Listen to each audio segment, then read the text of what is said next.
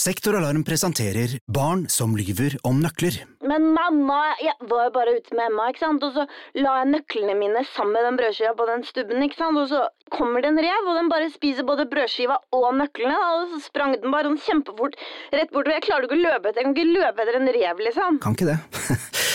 Akkurat nå har Sektoralarm kampanje på boligalarm og dørlås med kode istedenfor nøkler, slik at barna alltid kommer hjem til en trygg bolig. Les mer på sektoralarm.no. Skal du pusse opp eller bygge noe nytt? Ikke kast bort tid på å lete etter håndverkere selv. Gå inn på mittanbud.no og lag en beskrivelse av jobben du ville ha gjort. Så mottar du tilbud fra flere erfarne håndverkere som du kan sammenligne. Med mange tilbud er du sikrere på at du velger riktig bedrift, og at jobben blir skikkelig utført. Mittanbud.no få jobben gjort.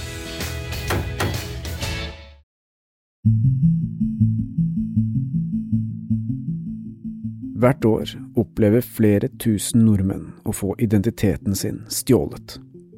Undersøkelser viser at de siste to årene er tallet oppe i så mye som 150 000, og det er sannsynligvis svært høye mørketall. De fleste oppdager ikke at de har blitt utsatt for ID-tyveri før etter at skaden har skjedd. Kumar er en av dem. I denne serien får vi høre Kumars historie, og vi skal jakte på de som står bak. Dette er Stjålet identitet, en podkastserie i fire deler fra Avhørt. Del fire, siste del.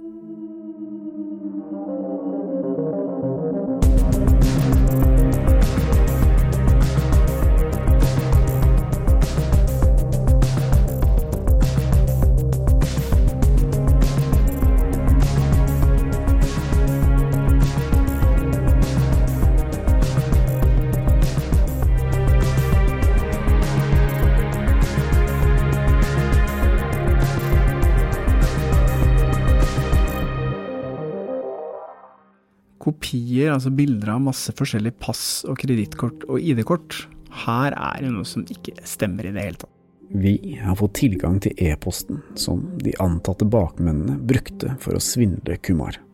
Er ikke det Kumar? Det ligner jo Det, det er ikke Kumar som har tatt bildet selv. Det, det er et bilde som er tatt av Kumar i, i en sofa, Mm. så det trenger jo ikke bety Ja, for det var Kumar, ikke sant? Selv om han hadde skjegg. Det vi finner på denne kontoen, er langt fra det vi hadde forventet oss. Så den telefonen som er knytta til den iCloud-kontoen, som vi har trodd hele tiden har vært disponert av svindlere, den har blitt brukt til å ta opp litt private filmer med, er med kjæresten til Kumar. det er jo Kumar som har brukt den sjæl. Kan Kumar selv ha vært med på svindelen? Altså, jeg vil helst ikke bli innblandet i dette med Kumar, fordi vi har ikke det beste forholdet, for å si det sånn. Vi har fått kontakt med Kumars ekskjæreste, en person som han selv snakket om som en av de viktigste i livet sitt. Han har fremdeles prøvd å kontakte meg, men jeg har blokka han på alle mulige måter, så jeg vil helst ikke ha noe med dette å gjøre. Og hun har en helt annen historie å fortelle. Men, men hvordan var det å, å, å bo med, eller være med Kumar, da? Kan, vil du si noe om det? Jeg vil si han er narsissistisk. Okay. Eh, han eh, kan bli veldig dramatisk av seg. Da Kumar var på vårt kontor og fortalte sin historie, fortalte han om en dramatisk hendelse hvor han ble overfalt av en gjeng ungdommer hjemme i sin egen leilighet. Åpne opp kjeften, her er den, og sette våpen i munnen min. Tvang de opp munnen din og satte et våpen inn i munnen din? At de skulle skyte deg i munnen hvis ikke du aksepterte det? Ungdommene skal ha torturert ham over lengre tid og truet ham med våpen til å ta på seg skylden for svindelen. Du har, nå, altså, du viser oss et eh, arr på, i, i, like under brystet. Et ganske stort arr òg. I tillegg skal de ha stukket ham med kniv og sydd igjen såret. Han, viste oss et arr som han hadde på i, i magen. Ja. Vet du hvor det stammer fra? Vel, som jeg sa, han hadde en tendens til å dukke opp i Polen. etter at vi slo opp. Og så Den ene gangen hadde han tatovert navnet mitt. Andre gangen hadde han dette arret som han påsto eh, han hadde påført seg sjøl. Eh, fordi vi hadde slått opp. Mhm. Eh, sånn har han holdt på opp gjennom årene. Så hva skal jeg si, det var ikke et sunt forhold, og det tok meg ganske lang tid å komme ut av alt det der. Ja. Mm. Han forklarte at det hadde han gjort mot seg selv? Ja. Altså, nå vet jeg ikke helt hvilket sår dere snakker om, fordi han hadde også en del sånne fettkuler på magen som jeg maser på at han skulle få undersøkt. Og da tror jeg han var hos fastlegen og fjerna en kule. Og han har et arr etter det òg. Med tre sting? Ja, det er gjerne det, for det, han fikk et ganske stygt arr etter det. Mm. Så det var fra en, en fettkul operasjon? Mm. Ok. En grunn til at vi eh, spør om det, det lurer du sikkert på, men ifølge hans eh, forklaring til oss, da, Mm. så ble han oppsøkt av en uh, bande fra Oslo. Mm. Som uh, tvang han opp i leiligheten og uh, var veldig voldelige. De stakk han med kniv, -hmm. og så sydde de igjen såret og putta en pistol inn i munnen hans. Og, og, tvang, og tvang han til å gå til politiet og si at det var han som hadde lånt alle disse pengene. Han var ikke utsatt for noe ID-svindel allikevel. OK. Har han på noe som helst tidspunkt eh, snakket om at han blitt utsatt for en så dramatisk hendelse? Nei, det har jeg aldri hørt han si. Men så har ikke jeg hatt kontakt med han i det siste heller. Men Nei, men dette er jo tilbake i Um, 2017, var det ikke det? Mm. ja, nei. Det, det har jeg ikke hørt han si. Det ville vært kanskje litt rart at han ikke nevnte det hvis, hvis noe Mm. sånt hadde skjedd. Mhm. Slik jeg kjenner han, så har jeg altså Jeg slutta ganske tidlig å ta noe av det han sa seriøst, fordi han er ganske dramatisk av seg. Og som jeg sa, litt narsissistisk, så Ja. Man må på en måte ta det meste med en klype salt. Så hva er det egentlig som stemmer her? Har Kumar skadet seg selv for å få sympati hos sin ekskjæreste? Eller har han et arr etter en operasjon? Var historien om ungdommen og knivstikkingen en historie som han forteller gråtende i vårt studio, bare en løgn? Han prata jo om at du, du forsvant, du dro din vei. OK. eh, på, og mye på grunn av disse problemene som eh, kom i kjølvannet av at han skal ha blitt utsatt for dette ID-tyveriet, da. Men det er bare tull. For jeg slo opp med han lenge før det. Og det er bare at han har hele tiden dukket opp gang på gang igjen, og nå skylder han på Det er sant at han kan Ja, eller jeg kan ikke bekrefte det, for jeg, jeg vet ikke noe mer detaljer om det, men uh, alt det her med ID-tyveriet, det, det skjedde i etterkant. Okay, så Men det er ikke derfor vi slo opp. Nei. Eh, Når når ble det slutt mellom dere? Det er litt vanskelig å si, for vi har på en måte ikke vært offisielt i sammen for kjempelenge. Men så har han dukket opp i Polen, og når han har vært der, så har han innbilt seg at vi er i sammen. Men han har på en måte bodd, han har en polsk kompis der, så det er der han har bodd, eller på hotell, og så har han plutselig dukket opp foran døra mi, eller dukket opp med blomster foran skolen, eller den type ting, liksom. Okay. Så jeg har jo på en måte vært i kontakt med han, men vi har ikke på en måte vært i sammen sammen. Nei. Men har det vært et sånn av og på-forhold der, eller? Ja. Ja. Har, har du hatt inntrykk av at han har liksom hatt pengeproblemer? Ja, det har han alltid hatt. Ja. Men eh, spesielt etter at han mente han hadde blitt altså svindla. ja. Altså, Men han hadde jo på en måte pengeproblemer før det pga. det her med at han hadde lånt penger til en kompis. Men tenker du at han er, kunne være typen til å eh, ta opp eh, lån som han ikke hadde til intensjon å betale tilbake? Jeg vil jo ikke tenke meg det, siden han har altså, Han har på en måte alltid hatt en stabil jobb og Han er veldig hardtarbeidende, så han har på en måte ikke hatt en grunn for å svindle noen på den måten. Etter hvert som vi avdekker ny informasjon i denne saken, blir det tydelig for oss at Kumar har fortalt oss en historie som er langt fra sannheten. Det begynner jo å tegne seg et bilde av en fyr som eh, som åpenbart uh, har noen problemer og uh, har lagt på litt for å få litt ekstra sympati. Men han, han satt her i dette studio, i den stolen som jeg sitter i nå, og forteller at han ble oppsøkt av navngitte personer fra mm. Oslo, og beskyldte de for å han. Og han viste oss det arret. Og det hevder nå hans ekskjæreste stammer fra en eh, operasjon der han har fjerna en fettkul. Ja. Og hun bekrefter jo at denne Francis er en person som Kumar kjenner godt. Så det vi i hvert fall kan konkludere med, er at han er jo ikke ærlig eh, med oss. Mm. Han høres jo ikke helt frisk ut i forhold til det forholdet til henne, da. Det er jo ikke bra med personer som, eh, som holder på på den måten, og reiser til Polen for å oppsøke henne og tatovere navnet hennes det er ikke bra personlighetstrekk. Narsissist, sa hun. Ja. Hun kommer med en del grove påstander om Kumar. Mm. Det er ikke sånn at vi bare skal ta det for god fisk, for det er jo åpenbart at det er et anstrengt forhold imellom dem, og at hun har et behov for å snakke stygt om han. Mm. Det kan godt være at uh, veldig mye av det hun sier uh, stemmer, men det kan også være at hun legger på litt fordi at uh, ja, ting er som det er, da. Hun forteller at Kumar har oppsøkt hun i Polen, der hun har vært og studert. Han har kommet på døra, han har dukka på skolen hennes med blomster. Hvem er det som ikke har gjort det opp igjennom? I desperasjon etter å få tilbake noen. Jeg vet jo at du, Helge, har jo en historikk der. Mm.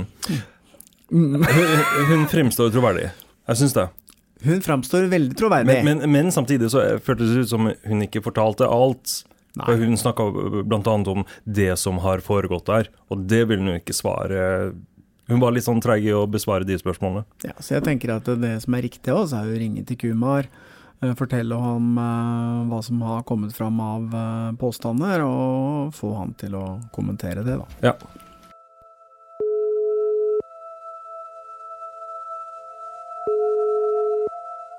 Kan ikke svare akkurat nå. Vennligst legge igjen en beskjed etter pipetonen. Kumar svarer oss ikke når vi ringer ham, så vi sender ham en tekstmelding hvor vi skriver at vi ønsker å ta en prat, og venter på å høre tilbake fra ham. Men tilbake til hun eh, kjæresten, da, så ser man jo på mange av de bildene som ligger eh, i eh, iCloud-kontoen, at de har jo tydeligvis hatt et nært forhold. Man ser jo hyggelige bilder av de sammen. Ja. De bildene er jo datert til 2018. Og hun sier at det var slutt mellom de lenge før denne ID-svindelen, men den var jo 2016. Jeg forstår det ikke. Nei. Men er det disse bildene som Ok, la oss si at de er tatt i 2014, da. Det er mye som ikke helt henger på greip her. Hvem er det som forteller sannheten? Vi kan bare spekulere basert på de historiene vi har fått høre. Men plutselig, mens vi sitter i studio, får Stein Morten en tekstmelding hvor det står Hei, jeg har info angående en sak dere jobber med. Ring meg. Så vi ringer. Ja, hei.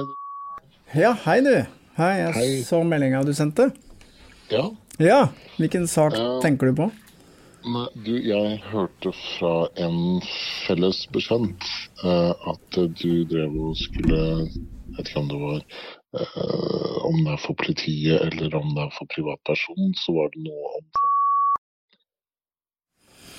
ja, vi driver og jobber med en sak hvor en uh, person som uh, heter Kumar, kom inn til oss ja. og uh, påsto at han har blitt utsatt for en ID-svindel. Ja, den saken kjenner jeg til. ok, hvor, ja. hvorfor kjenner du til den? Ja, det, det, er veldig komplisert, hele det greiene der. Eh, jeg, jeg tror det, det, det, er så komplisert at det beste hadde vært om man kunne heller ha møttes. Ja, ja. Da, og ta det på telefon, så blir det liksom eh, det, blir en lang samtale. Mm. Og jeg, jeg tror heller ikke Komar er så uskyldig som han utgir seg for å være. Du tror han har vært en del av det? Jeg, jeg, jeg vet det. Jeg vet at Kumar har vært med på det, sier mannen i andre enden av telefonsamtalen. Hvem er denne personen, og hvilken rolle kan han ha i denne svindelhistorien? Vi avtaler et møte på vårt kontor.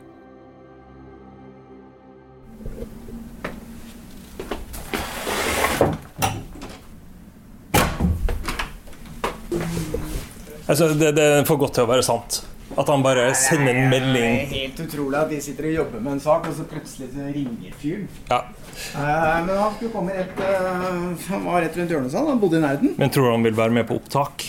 Hva skal han fortelle, liksom? Jeg vet ikke. Vi får se. Fordi, og, og hva er linken? Hvem kjenner han i det sakskomplekset her? Spørsmålet som er eh, interessant, er jo når vi begynner å ringe rundt. Mm. Så plutselig så, så ringer han da for å, å snakke med oss. Så det, det har en effekt å drive og ta noen telefoner. Jeg ringer og plager folk. Nå har vi, eh, folk hører at lyden er litt annerledes. Det er fordi at nå er vi på en annen opptaker. Vi har gått ut av studio. Vi sitter på kontoret vårt. Eh, Men vi tar opp samtalen. Vi gjør det bare for, For just in case. Ja, for dokumentasjon. Dekker den til. Yes. Det er her, ja. Hei, hei. Du er ikke redd for eh, hund? Er du redd for hunder? Mannen er rundt 40 år, litt eldre enn Kumar, velstelt og hyggelig. Det viser seg at denne mannen kjenner eiendomsmegleren som vi snakket med i en tidligere episode. Mannen som hadde fått overført en halv million kroner fra en konto i Kumar sitt navn. Denne eiendomsmegleren har tatt kontakt med mannen som nå sitter på vårt kontor, og han sier selv at han føler det er riktig å komme til oss og fortelle sannheten. Yes, det her var jo Ja, spesielt. Det bekrefter jo mye av det vi har sett på. Okay. Ja, da er vi tilbake i studio og Yes. har snakket med ja, denne fyren da, som ringte og sa at han hadde opplysninger til oss. Og det hadde han. Oh, yes. denne historien har jo virkelig eh, tatt en brå vending. Han gjorde jo klart at han ikke var interessert i å bidra med noe stemme på, på denne podkasten her, og det skal vi respektere. Men vi kan vel gå litt innom det han fortalte oss? Det kan vi gjøre. Historien hans eh, var jo at han eh, drev en butikk. Og at disse svindlerne mer eller mindre opererte ut ifra hans butikk, uten at han egentlig var noen del av det. Men han hørte veldig mye av det de snakket om. Og han fortalte at uh, mens han var i butikken, så satt de på bakrommet og snakket om disse svindlene og om Kumar sak, og at dette var noe de holdt på med hele tiden. De fant noen som eh, var villig til å gi fra seg identiteten sin. Eh, og så satte de i gang en prosess med å ta opp uh, lån i alle verdens banker og uh, prøve å skaffe inn mest mulig penger. Og så var liksom svindelen at han eller hun som hadde lånt fra seg identiteten sin, skulle få 80% av disse pengene, skulle de sitte igjen med 20 Mm. Og da tenker jeg planen til de som gikk med på det, var kanskje å stikke rømmelandet Han sa en del om det òg, at Han- han de, det. da skulle de rømme landet og f.eks. dra tilbake til hjemlandet sitt og leve godt på de pengene. Og så var det ingen mulighet for norske kreditorer å hente tilbake det. Nei, de drar jo ikke ned til eh, Sri Lanka, hvor Kumar kommer fra, for å kreve inn disse eh, 100 000 i den ene banken, 400 000 i andre. Det er for liten sum til å begynne å krysse landegrensene for å kreve inn. Ja, Det skjer jo ikke. Og dette, men det som er oppsiktsvekkende her, er jo at uh, dette gjelder jo ikke bare Kumar. Dette er jo en, eh, en organisert uh, svindel med mange involverte som har pågått i lang tid, og de har gjort det mange ganger. Men akkurat i Kumar sitt tilfelle så ser det ut som om disse svindlerne da eh, i neste runde har svindla Kumar igjen. Mm. For han skulle jo få 80 av utbyttet, men han har jo ikke fått noen ting. De har bare beholdt alle pengene. Ja. Så summa summarum så sitter jo da Kumar igjen eh, som en gjeldsslave. Mm. Han har ikke fått noen penger og har ikke noen mulighet til å reise tilbake til Sri Lanka og leve på, på de pengene. Personen som var innom her, fortalte jo òg om dette Porsche-kjøpet som de gjorde i Kumars navn, og de kjørte rundt og fylte bensin og stakk av i Kumars navn, så han endte med den regninga og, og nye krav. Men det han fortalte, var at de gutta hadde begynt å krangle om hvem som skulle kjøre denne bilen. Og det hadde ført til en sånn uoverensstemmelse, og nå et slags sånn oppbrudd av denne grupperinga. Så en Porsche, krangel om hvem som skulle kjøre Porsche, det var liksom grunnen til at uh, dette samarbeidet gikk litt i oppløsning. Og jeg forsto det også som at denne bakmannen nærmest hadde gått litt sånn under jorda akkurat nå, men det virker ikke som typen som eh, stopper opp med svindel. For det her har han gjort i en årrekke, og det er samme fremgangsmetoden som du fortalte. Ja.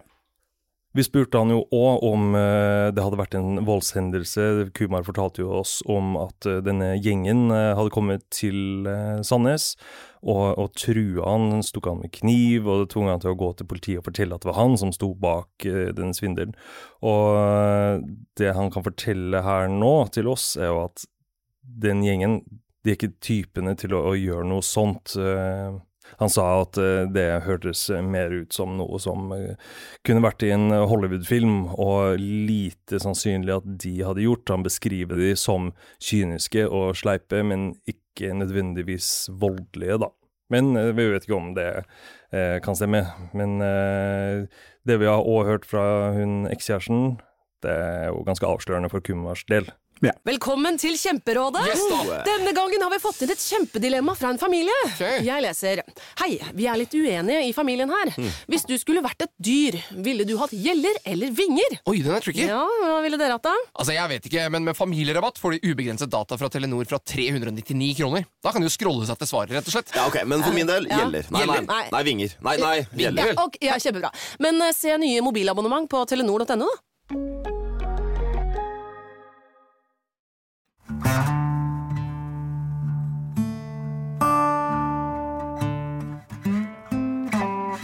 Headset på, eller? Nei. bare snakk. Ok. Han sitter og surfer på internett. er jo- For å hjelpe oss å forstå litt bedre denne svindelen som har utspilt seg, har vi invitert Andy Larsgaard, svindelekspert og tidligere gjest i Avhørt.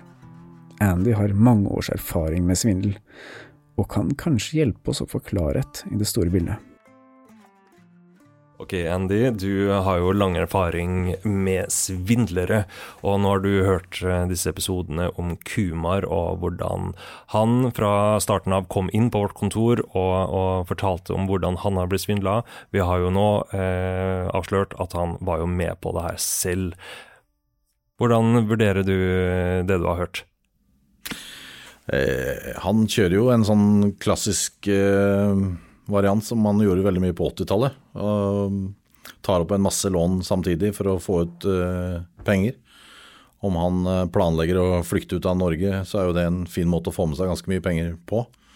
Nå vet ikke jeg helt nøyaktig beløpene, men eh, millioner norske kroner er fryktelig mye verdt i Sri Lanka. Mm. Det kan du leve lenge på. Mm. Men den der setupen med at uh, han inngikk en sånn avtale med denne banden i Oslo om at eh, de skulle ta opp disse lånene, og så skulle han få en De skulle ta en kutt. Men så har det jo endt opp med at de har tatt mesteparten, og han satt igjen med, med eh, noen klokker og, og små penger selv. Det er litt unormal framgangsmåte, for de fleste som svindler på den måten der, de gjør det jo selv. Altså, Du ødelegger jo din egen kreditt for evig og alltid, egentlig. Mm. Men eh, typisk så har du en, kanskje en leilighet hvor det er tilgjengelig noen penger i pant, altså som du kan ta pant på, og så søker du veldig mange forskjellige nettbanker, typisk nettbanker, eh, samtidig, med forbrukslån, 300 000-400 000 kroner f.eks. Og så får du kanskje svar fra 8-10 stykker da, om at du har fått innvilga lån, og så skal disse bankene da ta pant i samme objekt samtidig. og Det er en litt sånn treghet i, i prosessen der. og Han kan da signere digitalt osv. På, på det. Så får han da på sin egen konto pengene før, eh, før kredittselskapet rekker å ta pantet eller finne ut eh, svindelen. da. Men det er litt unormalt at han går til noen andre. Det er akkurat som han ikke forstår helt hvordan det gjøres. Det er, Eller alternativt at det er noen andre som har kommet med ideen til han. Det kan det også være. Ja, Om å gjøre den svindelen mot Ja. disse bankene. Ja. Så han hadde jo da, i hvert fall i forhold til hva jeg hører, da, så skal han liksom sitte igjen med 80% av pengene selv, og 20% skal gå til den mannen. Og det, det høres jo ut som en grei deal, egentlig, hvis du først har tenkt å ødelegge din kreditt i Norge for evig og alltid, og aldri har tenkt å komme tilbake hit igjen. Men øhm, de øh, som øh, gjør sånne ting, de har, har nok lite lyst til å ikke ha mer enn 20 Mm. Ja. Men er det så enkelt at du bare kan låne masse penger i ditt eget navn og skylde alle disse pengene, og så bare stikke av f.eks. til Sri Lanka, da, og så er du liksom home free? Ja, Det er jo litt rart for deg som nordmann øh, å, å tenke sånn, for vi skal jo liksom være her. Vi er nordmenn og vi kanskje drar til utlandet på ferie osv., men vi kommer tilbake igjen her, for det er vi har eh, sted og, og ja, familie osv. Men eh, hvis du kommer fra et annet land, kommer til Norge, og mange av de landene har jo ikke kreditt i det hele tatt, og Sri Lanka har jo ikke det. Der kan du ikke låne for å kjøpe deg hus. Der må du bygge det opp sjøl og kjøpe et hus kontant til slutt, når du har penger til det. Um, så for dem så kan det virke som rene gavefesten. Altså Du blir jo lottomillionær over natta egentlig ved å få lov å få opphold i Norge, og etter hvert også kanskje et pass her. Men um, de kan jo matematikk som alle andre, har familie og venner der de kom fra. Nå er jo Sri Lanka en mye mer fredelig plass enn det det var tidligere. Så nå uh, tenker han ok, uh, glem Norge. Tar med meg så mye penger jeg klarer, og så, så kommer jeg aldri tilbake. Det er jo ingen kredittinstitusjoner i Norge som kommer til å følge etter han i Sri Lanka. Hva tenker du om eh, rutinene til disse bankene, som eh, da åpenbart har sagt ja til å låne ut disse pengene? Det altså, de, de satt jo i tre dager og tok opp uh, lån i, i kanskje mellom 30-40 forskjellige banker. Mm. Og de fikk ja av veldig mange av de. Til tross for at uh, mye av informasjonen i lånesøknaden var feil, bl.a. Uh, en arbeidsgiver som ble oppgitt der som uh, ikke var riktig, uh, bruttoinntekt f.eks. Ja, i Norge så har vi jo muligheten til å nettopp søke sånne typer lån med dokumentasjon på at vi faktisk har råd til å ha det lånet. Og en par ting som vi er nødt til å levere normalt, er jo selvangivelse.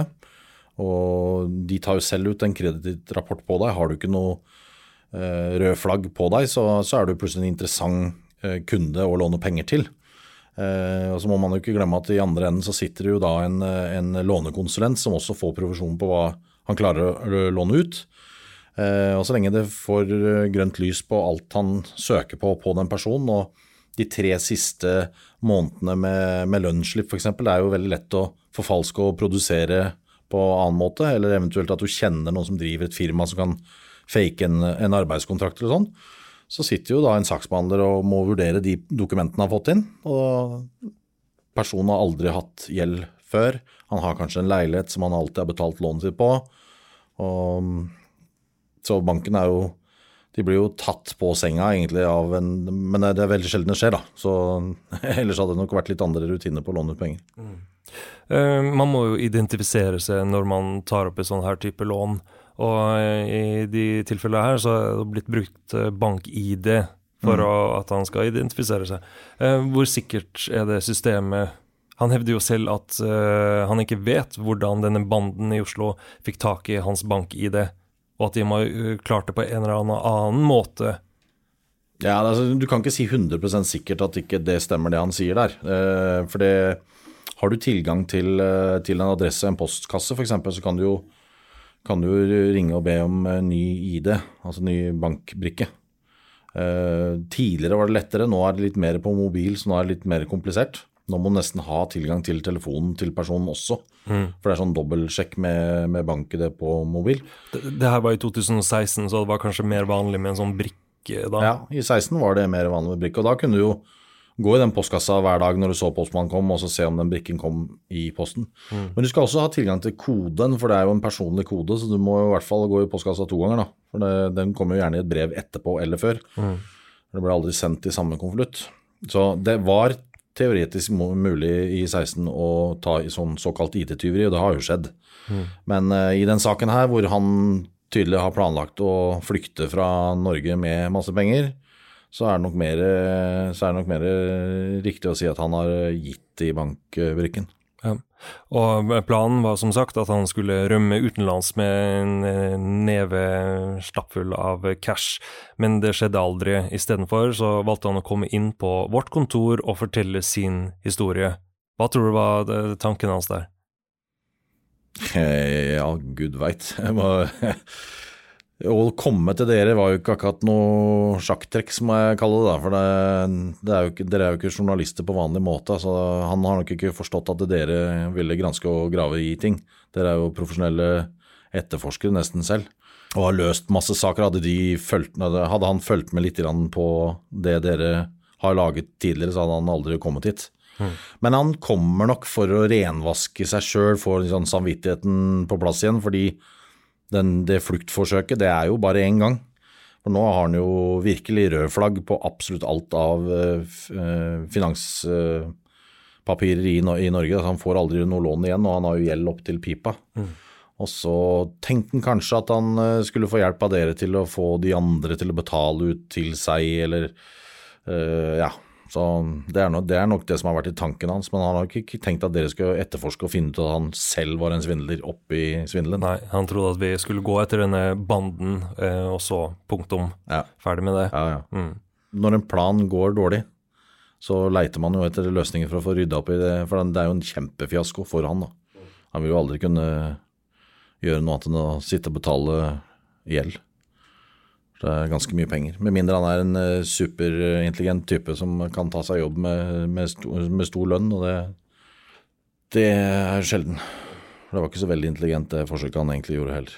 Men Andy, eh, det vi har liksom lært underveis i denne forskningen her, at eh, de som er bakmennene her, da, de som på mange måter har lånt alle disse pengene i hans sitt navn og stikker av med alt sammen, de har jo ikke bare gjort det mot han. De har gjort dette her mot uh, veldig mange, så det har vært liksom en organisert svindel som har pågått over lang tid. Kjenner du til uh, noen av disse miljøene, eller at det er vanlig, eller har du hørt noe om denne type svindel før? Ja, og det blir jo bare mer og mer. Uh, Det er jo i et, i et cashfritt samfunn som vi er i ferd med å bli, da, så er det ikke så lett å rane banker og postkontor lenger. Og da finner man jo andre måter å, å gjøre svindler på, og det er jo en, eh, en klassisk måte å lage et offer, eh, som han typen her. Litt lettlurt, og så svindle han, få tak i bank-ID og, videre. Um, og det, vi ser jo det både, både norske, altså nordmenn, gjerne i, gjenger, og utenlandske gjenger som, som gjør det. Og det er jo ikke bare et Oslo-fenomen, det, det skjer flere plasser. Men de, de leter gjerne etter en litt sånn lettlurt offer, som har, eh, har kreditten sin på plass. Og da er det jo en ganske enkel måte å få tak i penger på uten å uten å egentlig havne i, i kloa til politiet, fordi de har egentlig lånt penger i hans sitt navn. De har aldri brukt sine egne navn, de har bare fått pengene inn på en, inn på en konto, oppgitt en helt annen eh, konto som de tar utbetaling på. Og det er fortsatt ikke forbudt å motta penger. Så um, det er en ganske bratt bakke i rettsapparatet for å ta sånne folk, selv om de er uh, eh, uten tvil svindlere så, så, er det, så, er det, så er det en ganske tøff sak. For det de kan hevde, er jo at avtaleverket mellom, mellom grupperingen og, og den som er blitt svindla, at, at det var en del av dealen. De skulle hjelpe til med å ordne lån for fyren, og tok eh, 20% gebyr. Og det for han å bevise at de har tatt mer enn de 20 kan bli ganske vanskelig. Særlig når de driver og deler ut klokker og altså andre produkter enn en rene banktransaksjoner. Vi, vi hørte jo òg at eh, det har vært sendt penger, store summer, til eh, tilsynelatende folk som ikke har noe med saken å gjøre. Og det har vi jo funnet av at det øh, gjorde jo han her bakmannen. Han, han ba om å få sette penger inn på kontoen til folk, og at de skulle gå og ta de summene ut i cash og gi tilbake til han. Mm. Høres- Hvitva- Hvitvasking. Mm. Mm. Siden han snakka om at det er cashløst eh, samfunn, så, så, så er det jo ikke helt det. Men, men, eh, det, Nei, men det er blitt litt cashløst, og du kan si at det å overføre penger til utlandet Mange av de Eh, også nordmenn har jo kontoer i utlandet, og det er ikke så lett lenger å flytte penger fra Norge, fra, fra min konto til en eller annen i, i Danmark f.eks. Hvis, det er- hvis det er stort nok beløp, så, så ringer jo banken meg og spør hva, hva er dette her. Ja. Og så må jeg dokumentere hva jeg skal bruke pengene på. Mm.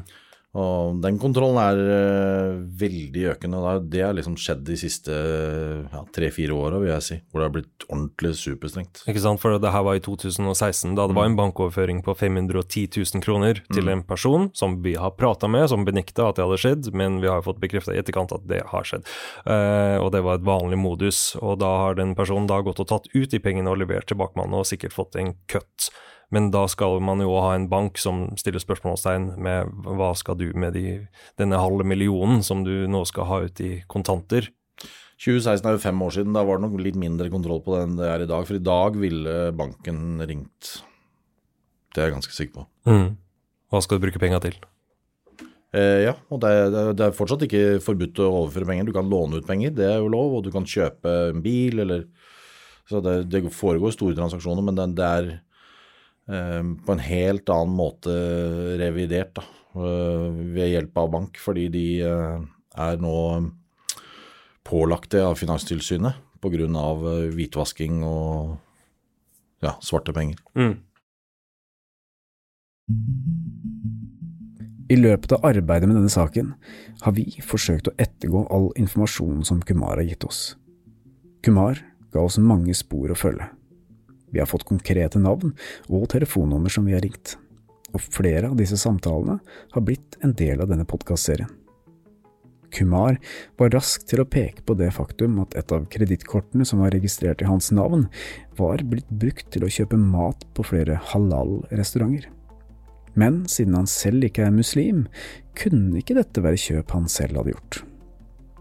Det som er interessant med dette sporet, er at det kan virke som om Kumar ønsket å legge skylden over på en gruppering bestående av personer med pakistansk bakgrunn, siden flere av de han har navngitt for oss, har vært pakistanere. Har dette vært en slags personlig vendetta for Kumar?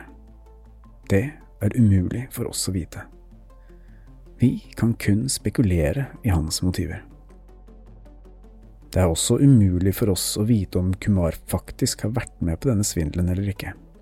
Men etter at vi har snakket med ekskjæresten, mannen som tok kontakt med oss, og flere andre uavhengige kilder, kan vi i hvert fall med sikkerhet si at Kumar ikke har fortalt oss den fulle og hele sannhet.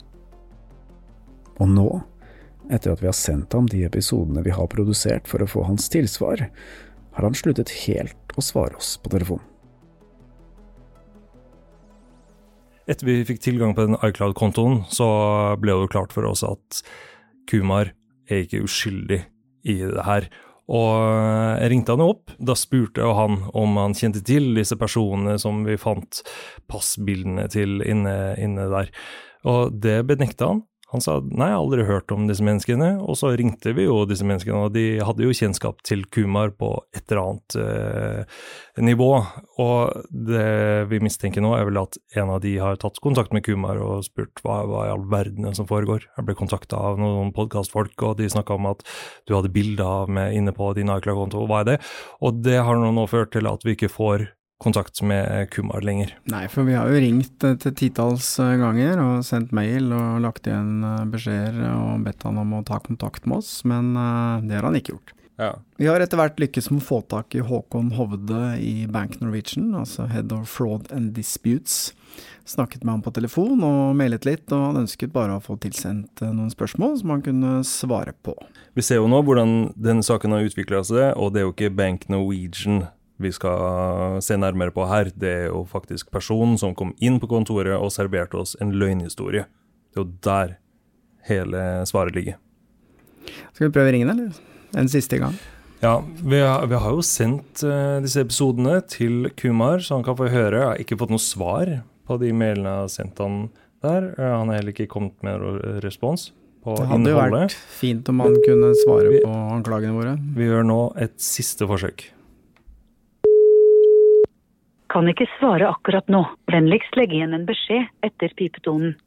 Hei, Kumar. Det er Stein Morten Lier som eh, ringer. Vi har prøvd å få tak i deg en stund nå, for vi tenkte vi ville snakke litt med deg om uh, ja, den jobben vi har gjort da etter at du var inne her og, og fortalte historien din. Så det har vært veldig fint om du kunne ringe oss tilbake, så vi fikk uh, snakka med deg. Fordi at vi har jo uh, gjort en del uh, etterforskning på denne saken og funnet ut en del ting. Blant annet så har vi hatt inne noen mennesker her som forteller en helt annen historie enn det du forteller, da. Nemlig at du faktisk har vært en del av denne svindelen og samarbeidet med disse gutta i Oslo mot at du skulle få penger for det, men at du ikke fikk de pengene.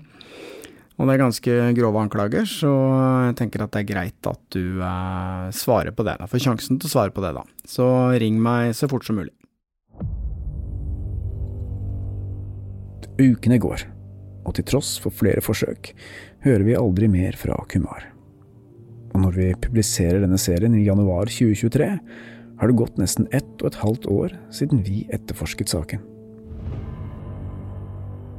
Ålreit, eh, folkens. Eh, nå er det jo et år siden vi jobba med denne Kumar-historien. Vi har ikke prata med Kumar på lang, lang tid. Vi forsøkte jo å få han i tale i den siste episoden, eh, del fire av Den stjålet identitet, men han slutter å svare oss. Vi fant jo ut veldig mye mer i etterkant av publiseringen av de episodene, som jo styrka de eh, teoriene vi hadde på slutten. Blant annet så Eh, fant vi jo en bryllupsvideo av eh, Kumar med en ny dame som hadde da funnet sted relativt kort tid før han kom til oss. Mm. Vi, vi, fikk nemlig et tips uh, fra en som kjente Kumar, om uh, å søke opp denne jenta som han nå var gift med. Nyko. og på hennes Facebook så fant vi denne videoen, og det var jo ganske, ganske overdådig bryllup. Men det var ikke noen billige greier, det var ikke.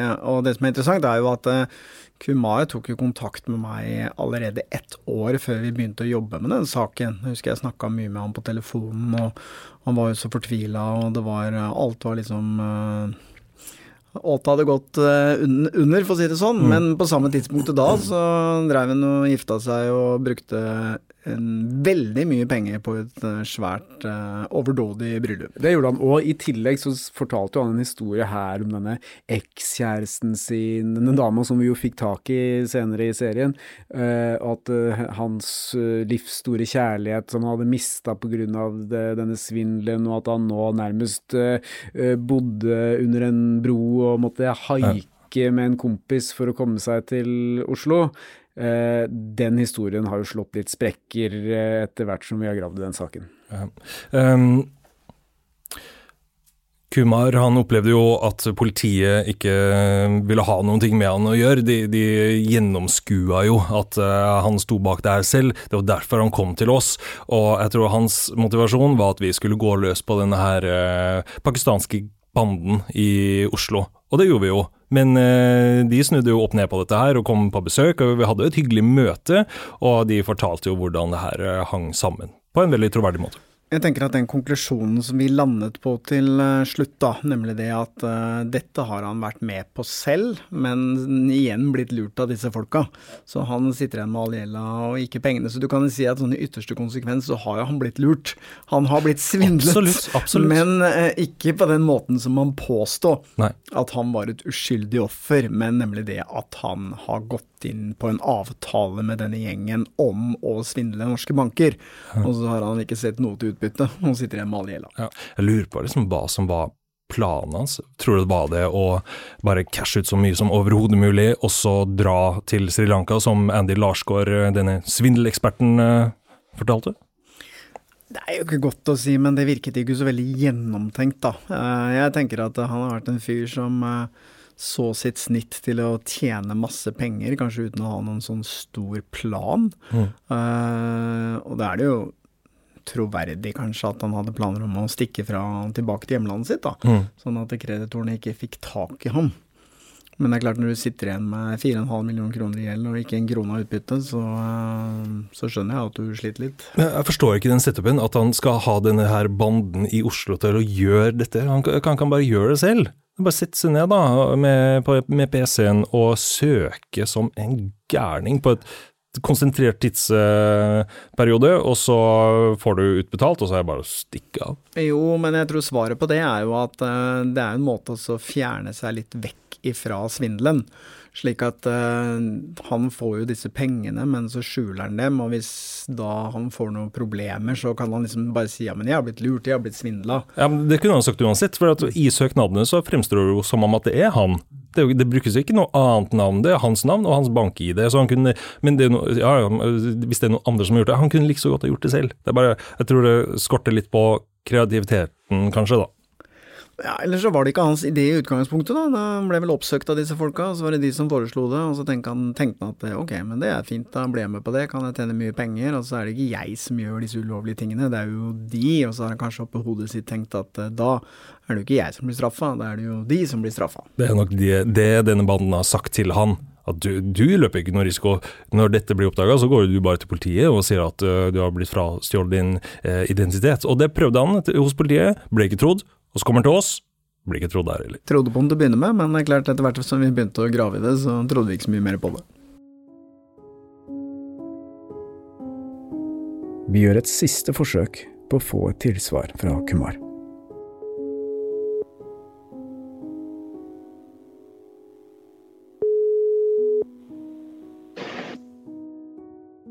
Hallo? Hvem er det? Hallo, det er Helge Molvær i Avhørt, podkasten.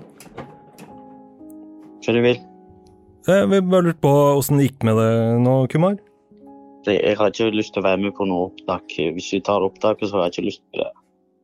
Men Kumar, det var du, du kom til oss med en historie, Ja. ikke sant? Men du tar det opp av samtalen. Jeg har ikke lyst til å være med på det, sier jeg.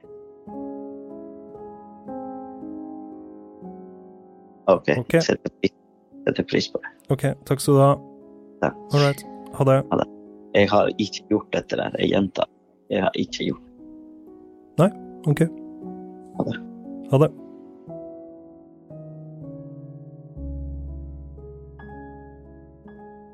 Kumar ba oss jo om at uh, vi ikke skulle publisere den eh, samtalen som vi har hatt med han, og det skal vi selvfølgelig respektere, men vi kan jo gjenfortelle noe av det han sa, da. Han sier jo fortsatt at han ikke har hatt noe med denne svindelen å gjøre.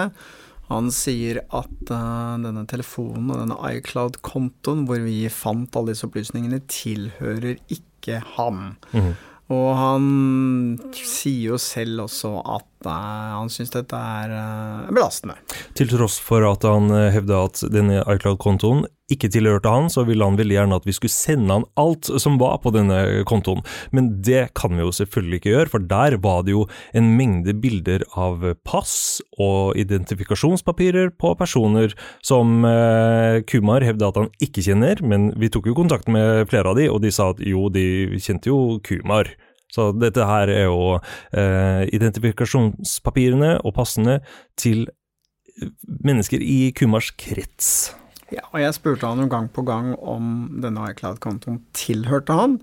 For hvis den tilhørte han, så kunne vi sende det. Hvis ikke, så kunne vi ikke sende det. Og han vil jo da ikke innrømme, eller han sier at det er ikke min konto, men jeg vil gjerne ha alt innholdet. Men det jeg reagerte litt på, var jo det at han han hadde en sånn følelse av at vi via denne iCloud-kontoen fortsatt overvåket han, så han turte ikke å bruke telefonen sin, og da får man en liten logisk brist. Fordi hvis det er slik at denne kontoen tilhører han, er knytta til hans telefon, så kan jeg skjønne paranoia med å bli overvåket. Mhm. Men hvis det stemmer det han sier, at den ikke tilhører ham, så er det litt rart at han føler seg overvåket. Det var jo bra at han endelig tok telefonen, da, etter at vi har prøvd uh, veldig mange ganger uh, tidligere. Vi jobba jo med dette mest for ett og et halvt år siden, bortimot. Og vi, vi, vi forsøkte jo å få Kumar til å, å fortelle sin side av historien etter vi hadde avslørt hva som egentlig lå bak. Han hadde jo Men rett på tilsvar på Ja. de eh, anklagene som kom frem. gang på gang forsøkte vi å få han til å gi det, men han slutta å ta telefonen da vi ringte han. Ja, og så gjorde jeg han oppmerksom på at uh, denne saken er jo ikke sånn at vi har fått tips og begynt å jobbe med det mot hans vilje.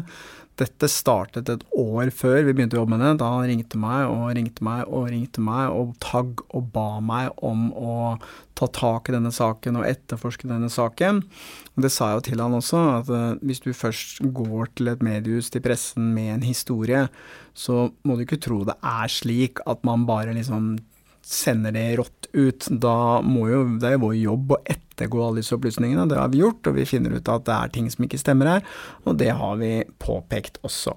Og øh, vi, det var jo vi som tok den beslutningen om å anonymisere han i den serien her.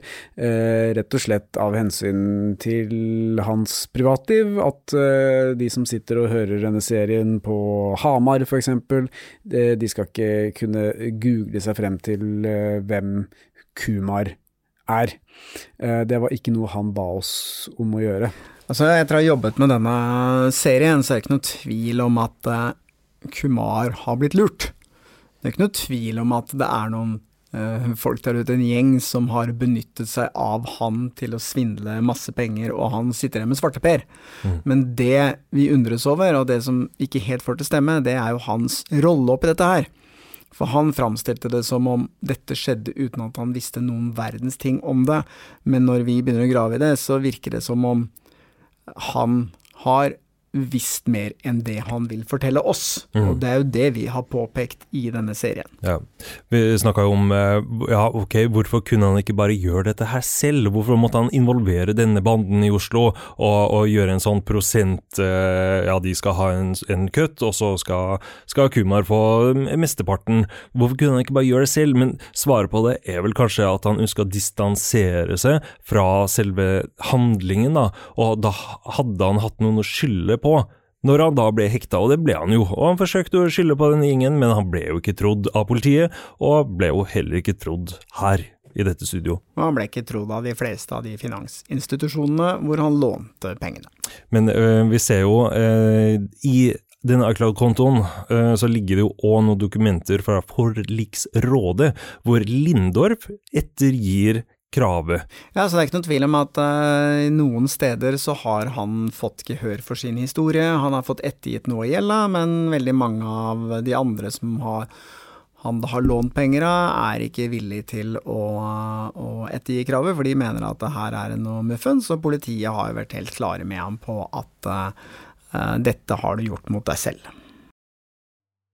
Dette er jo en, eh, det er jo en trist historie i utgangspunktet. Da han kom og fortalte om barndommen sin, oppveksten sin, kom til Norge og hvordan han sleit for å skaffe seg en utdannelse osv., så, videre, så hadde jeg veldig mye medfølelse med ham. Jeg tror at han på et eller annet tidspunkt har gjort noen dumme valg, som mange gjør. Rota seg borti de gale menneskene. Og dessverre kanskje endte opp med å svindle seg selv. Dette var siste episode i serien Stjålet identitet. Hvis du vil høre flere eksklusive graveserier fra Avhørt, ett og et halvt år før alle andre, gå inn på podmy.no, eller last ned Podmy-appen. Avhørt er en podkast produsert av Batong Media. Redaksjonen vår består av Stein Morten Lier, Helge Molvær og Lars Christian Nygårdstrand. Du finner oss på Facebook og Instagram, og ønsker du deg kanskje en stilig Avhørt-T-skjorte, kaffekopp eller caps, gå inn på fanware.no og søk på Avhørt.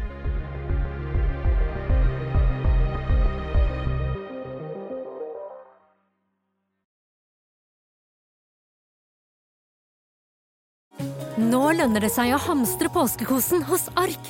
Ark inviterer nemlig til påskefest med skremmende bra nyheter, pocket fra 99 og 40% på alle spill og puslespill. Arkpåske betyr rett og slett mye påske for pengene. Så fyll opp med påskens favoritter i nærmeste arkbutikk eller på ark.no.